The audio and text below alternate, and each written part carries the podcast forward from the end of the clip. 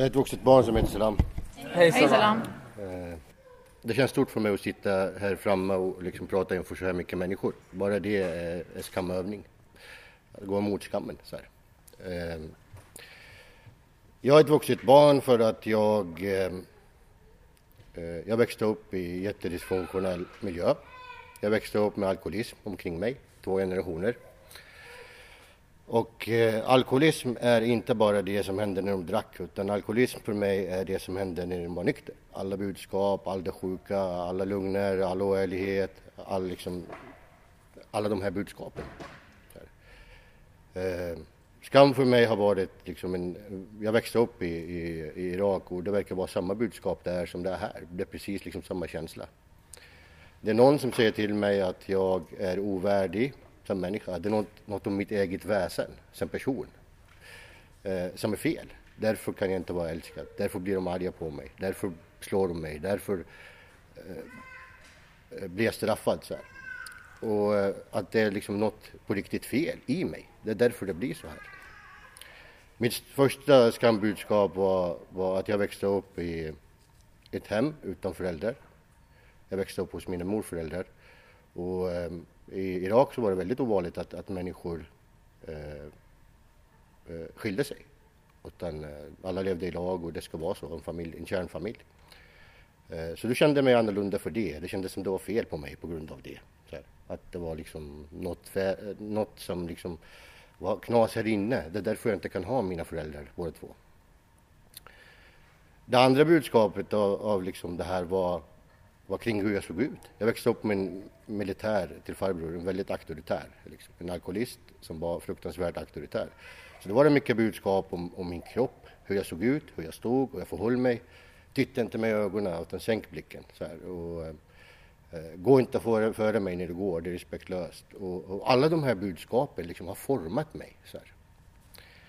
Eh, det jäkligaste liksom, budskapen som jag haft svårast att möta upp har varit de, de budskapen som de aldrig sa verbalt utan som de visade i handling. Så här, utan att till exempel att eh, dum börda, de sa det inte riktigt men det är så de visade liksom att vad jobbigt att jag måste ta hand om dig, vad, vad jobbigt att du är på det här viset och så där. Allt det här blev historien om mig, min bild av mig själv. För att ett barn som är fyra år och blir slagen börjar tro på att det är mitt fel ett barn som går runt i fyra, fyra fem, sex, sju års åldern och någon säger till dig att det är ditt fel att din mamma inte liksom är liksom närvarande. Det är bara för att du är jobbig. De tror på det. Och, och, det de sa egentligen, det var att jag var ovärdig som människa. Att jag var ovärdig kärlek, jag var ovärdig uppmärksamhet, jag var ovärdig... Och det har jag liksom, själva händelserna, en del av dem har, varit, har jag haft tillgång till ganska länge, men jag har inte kunnat bli kvitt den här känslan om mig själv, att jag är ovärdig.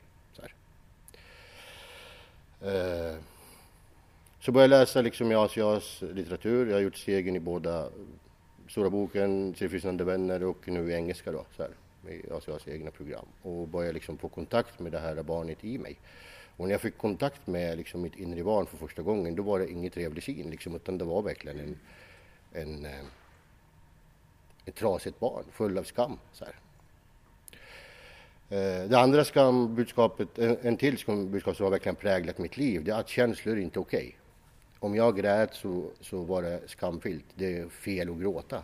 Det är fel att känna. Så och, och, det budskapet håller på att ta livet av mig. För att går man genom ett helt liv utan att gråta över förluster, över saker som händer, utan att sörja något, då blir man knäpp. Då sitter det liksom här uppe i, i, mentalt. Och det är så det har sett ut för mig.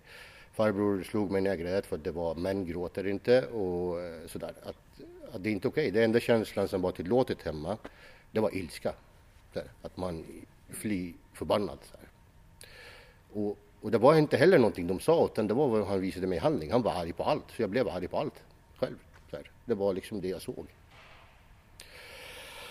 Eh,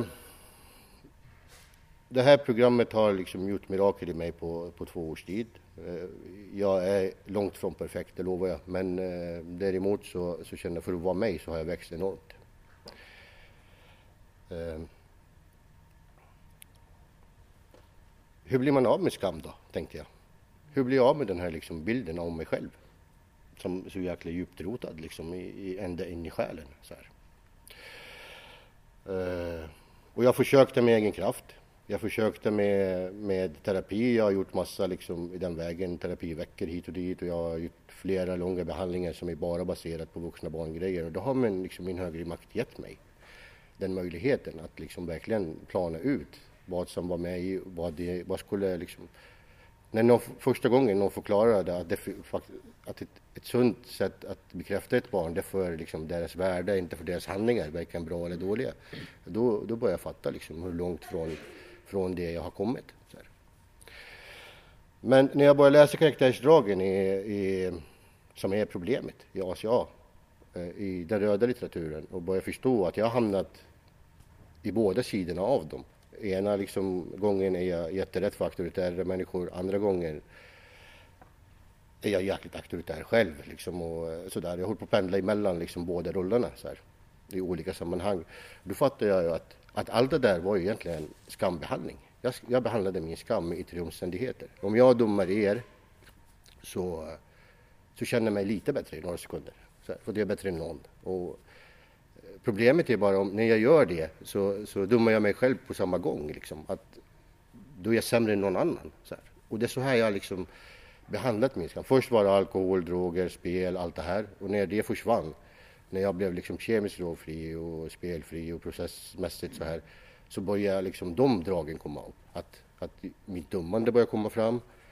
Eh, att jag tycker inte att jag är värd en schysst relation, så att jag är bland människor som eh, som jag inte kan ha en schysst relation till. Och, och, om jag är bland människor som jag kan ha en schysst relation till så skapar jag kaos så att jag kan liksom verkligen känna igen den här misären. För att liksom, det är den här bilden jag har i mig själv. Och så har jag behandlat det i alla år. Och för att komma ur den här skammen och komma verkligen in i djupet liksom av vad, vad, vad de här budskapen har sagt om mig och till mig så fick jag liksom sluta använda, alltså även dragen. Eh, min resa i det här programmet har inte varit jätteenkel så här att jag, jag har gjort det svårt för mig själv. Jag har gått alla olika vägar som man kan gå för att liksom komma till kärnan och på något sätt så har, har det varit min väg. Eh, när jag gjorde stegen i, i Eh, tillfrisknande vänner i somras var det. Det var egentligen första gången jag liksom upptäckte. Och då åkte jag tillbaks i tiden liksom till 2012 och började känna. Det var en period av mitt liv där jag, jag var så trött på att känna mig värdelös så här, på riktigt jag var så jäkla less på det. Så jag tänkte bara att eh, jag hade lärt mig någonstans längs vägen att pengar löser allt.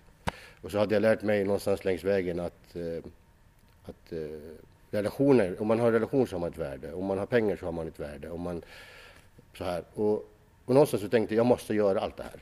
Jobbigt värde och så här. Och jag har haft liksom olika sidor av min släkt. Mammas släkt var de militär och man ska dö för sitt fosterland. Jag kände, jag vill inte dö för mitt fosterland. Och pappas släkt så skulle man vara högutbildad och prestigefylld och så här. Och någonstans däremellan så, så förlorade jag mig själv. Och eh, eh i alla fall, 2012 så hamnade jag i min botten. Jag hade gått i, i, i fyra, fem år och sökt mitt värde i allting utanför mig själv. Jag hade sökt den i, i arbeten, så jag tänkte bara jag har det där jobbet så kommer jag att bli känna mig värdig och känna mig lycklig och känna mig värdefull. Så, här. så jag fick det där jobbet och så fick jag ett till jobb. Och så fick, jag hade tre jobb och utvecklade full, liksom, helt galet arbetsnarkomani. Och jag kände mig inte värdig. Det räckte liksom inte. Så jag tänkte bara köpa ett hus så jag kan känna mig liksom värdig. Så jag sprang runt och liksom sökte ett hus och var jag på väg att köpa ett. Jag kände mig i alla fall inte värdig. Eh, och eftersom jag är så värdelös så har jag liksom haft en rädsla för att bli övergiven jämt. Så jag tänkte min lösning på det måste vara ett par relationer samtidigt. Så, så jag hade ett par relationer samtidigt. Och i alla fall liksom otillräckligt. Det var så, så långt mina idéer fick mig någonstans. Ja. Och, och sådär. Och någonstans fyra år senare när jag har allt det här jag har tänkt så, så står jag i ett läge där jag liksom eh, där jag där ingenting på den här jorden betydde någonting längre. Så här. Och jag kände mig helt död invändigt, på riktigt. Då rasade det ju på riktigt. Då var det liksom tillbaka till kemisk. Och ett år senare så, eh, så vaknade jag upp på intensivvårdsklinik liksom, som resultat av en överdos på mediciner. Så här. Jag ville inte leva längre. Så här. Och Och därifrån så, så hajade jag liksom, där blev jag berörd av min högre makt för första gången och fattade jag att jag är precis som min historia. Jag, jag har övergett mina barn, jag har gjort allt för att liksom söka mig själv någonstans. Och, eh, jag grät i tre dagar på sjukhussängen, så här, på riktigt från djupet. Det var liksom inte det självömkan tårarna längre utan det var verkligen ren skörtsorg som kom. Liksom. Och efter det kände jag mig villig. Jag vill göra vad som helst för att tillfriskna från den här sjukdomen. Den här sjukdomen för mig är inte det jag gör liksom när jag tar droger. Eller det är liksom det jag är. Det, det är liksom det är vem jag är liksom när jag är nykter och inte kan hantera mitt liv. När jag är igång i min karaktärslaglista. Så, så på något sätt så har det fört mig till Asias program. Och det är här jag hör hemma, känner jag. Eh, första gången gjorde jag stegen med en man i somras i Tillfrisknande vänners litteratur och där fick jag möta eh, min första smärt, smärta liksom, som har, jag har burit på hela mitt liv. Och första smärtgränsen var ju vad jag har gjort andra. Så här, jag kände det i hela min kropp, liksom, för att det här har jag verkligen sett människor för. Den här liksom, vansinnet som jag var med om där borta. Uh, och några månader senare så hamnade jag i, i Asias engelska litteratur. Och där började jag verkligen genomskåda de här uh, skambudskapen liksom, som jag fått med mig redan steg ett. Så här. Det här sa de om mig egentligen och det här tror jag fortfarande på än idag. Så här. Och någonstans med Guds hjälp och kraft och vägledning så började jag separera mig från deras åsikter om mig. Att det här är bara en åsikt. Och jag har gjort de här sakerna, ja, och det är fel och jag vill ju gottgöra dem. Liksom. Men det säger ingenting om mig, alltså mitt väsen, min själ. Utan det, det är bara liksom handlingar. Jag har gjort handlingar som har varit bra, jag har gjort handlingar som har varit jäkligt dåliga. Ingenting av dem identifierar vem jag är. Det är saker jag har gjort. Och bit på bit så börjar jag liksom vakna. Och den andra smärtgränsen har varit vad andra har gjort mig och den kommer jag till i steg fyra och fem i engelska liksom stegen. Jag började inventera min, eh, vart alla de här karaktärsdragen startades. Jag började inventera mina sexuella övergrepp, jag började inventera allt det där. Och så fattade jag ju, med, med det jag fick med mig är det bara ett mirakel att jag lever. Liksom, ens. Och, och började liksom få känna den här empatin inför mig själv. Så uh, jag är tacksam för de tolv stegen, de håller på att rädda mitt liv. Jag var med om en grej för några veckor sedan här. Där jag kände för första gången, jag har en liten dotter som heter Lilo, hon är åtta år. Och eh, vi har en fin relation idag. Så här. Och hennes mamma var ute på, eh, på någon fest. Och så kom, ska jag åka hem med henne till och lämna tillbaka honom. Och så är mamma inte där. Det står liksom, lägenhetsdörren står öppen. Det är ölflaskor överallt, hunden har inte varit ute. Så här. Och jag känner liksom hennes smärta när hon bara gråter liksom ut från själen liksom, över den här äh, paniken. Liksom. Var är mamma och varför ser det ut så här och så där. Och, och för första gången i mitt liv kunde jag vara verkligen där för mitt barn, så känslomässigt liksom, närvarande. Det är okej okay att gråta Lilo, du får vara ledsen. Jag håller om dig, jag släpper inte taget. Jag stod kvar här, vad än som händer. Och jag menade med hela min kropp och hon trodde mig. Det var det som var väsentligt. För första gången så tror hon mig. Liksom, så här. Så och, ja, hon kramade om mig och ville ha en bulle. Liksom. Så åkte vi iväg och käkade den och så hittade vi mamma till slut. Det var ingen större fara som hade hänt. Men där visade mig Gud den här vansinnet i den här sjukdomen. Vad jag var med om också. Liksom. Så här såg det ut jämt hemma. Jag kunde inte lita på någon. Eh, det här programmet handlar om för mig om att, och kraft att förlåta allt som har hänt. För att om inte jag gör det så är jag bunden till det jag förlåter inte dem för, för att jag ska liksom eh, bara, men om, så länge jag har liksom ilska mot en person så är jag bunden till den här personen. De är i mig. Så, här. så jag har fått gå tillbaka och förlåta varannan en med Gud. Jag hade aldrig klarat det med egen kraft med tanken på vad jag har mött liksom den här resan. Och jag har också fått gå tillbaka och älskar min ursprungsfamilj. Det betyder inte att jag vill ha dem i mitt liv, men verkligen liksom, jag känner kärlek för dem. Ja, min farbror, eller min morbror slog mig i hela mitt liv, men han fanns där för mig och jag fick älska honom för det. Och han bekräftade mig ett par gånger på ett schysst sätt och jag älskar honom för det. Det betyder inte att liksom, jag tänker ha honom i mitt liv eller att jag har glömt vad som har hänt, men det här fanns i mig, det här liksom, sanningen som alla barn bär på. Och så började jag minnas mig själv som liten. Det spelade ingen roll vad han gjorde med mig och hur illa det var. Så gick jag aldrig ner på knä och bad för honom. Liksom, utan jag bad verkligen för honom. Att Gud snälla hjälp honom. Jag visste, barn vet att folk lider och att det inte är deras fel. Någonstans så vet vi det. Men det blir täckt över liksom massa skit och så börjar vi tro att det är vårt fel till slut. Så börjar vi fördöma liksom. Och så, här. så var det för mig. Ja, jag hamnade i steg 6 och 7 i engelsk litteraturen, sen stannade min resa och någonstans så har jag förstått också att jag har försökt fixa mina känslor i hela mitt liv. Och steg 6 och 7 säger att jag kan inte fixa mina känslor och jag kan inte ta hand om det här något mer, utan det är Gud som måste göra det. Och i det så börjar tilliten till Gud växa. Det här var den största handlingen i mitt liv, att inte göra någonting, att bara stå still. Så här. Någonstans. För att har man är man ledsen så ska man gå och fixa det. det liksom, är man eh, arg så ska man liksom gå och fixa det. Det var jag blev upplärd. Känslor ska fixas, de får inte finnas. Och någonstans eh, av den anledningen så har det varit svåraste stegen för mig att ta in i hjärtat. Och där står jag liksom. Jag känner, jag försöker skriva min åttonde steklista men det blir bara blaha och så lägger jag ner boken liksom. Och, och, och det känns ärligt. Eh, Gud har fört mig till allt hjälp jag behövt när jag varit redo för det. Så precis i samma ögonblick så har hjälp dykt upp. Så här, Varsågod, här har du. Här. Och så ser det ut. Eh, just nu står jag i ett läge där allting som är, är liksom, har värderat mig, pengar, jobb, prestige, har liksom blivit borttaget ur mitt liv. Så här. Det är helt borta. Och, och någonstans i det fick jag hitta ett värde som var bortom det. Så här. Och det är vad Gud har gjort för mig. Jag hade aldrig liksom kunnat lägga ner alla de här jobbprojekten och uppdragen själv, utan det har Gud gjort. För att jag ska hitta mitt värde utan det. För att så länge någonting där ute är mitt värde så kommer jag aldrig någonsin kunna njuta av det. Utan jag kommer alltid att försöka hålla fast vid det, bli rädd för att bli av med det och sådär. Så um, jag fick sjukskriva mig från mitt jobb i nio månader. Sen gick jag tillbaka till jobbet. Och helt plötsligt kunde jag njuta av den.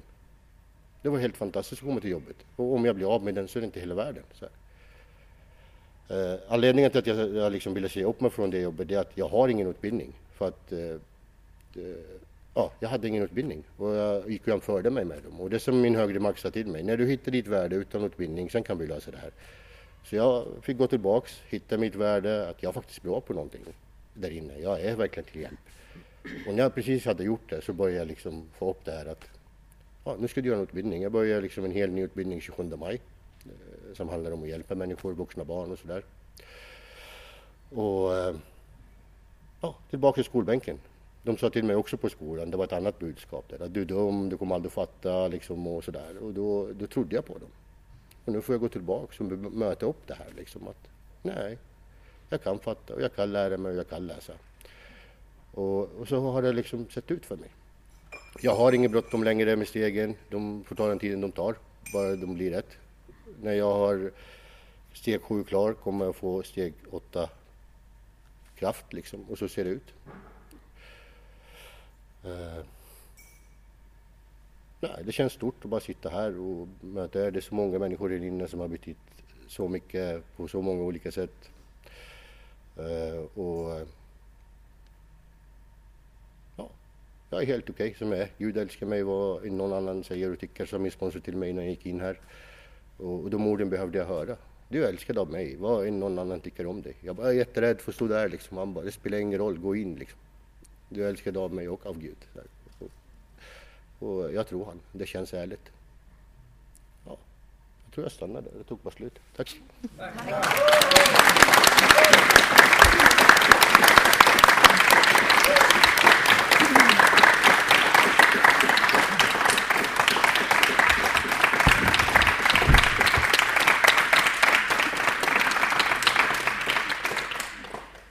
Heter Lina, ett vuxet barn. Hej! Hej! Gud vad trevligt det var att lyssna på det. Tack så jättemycket.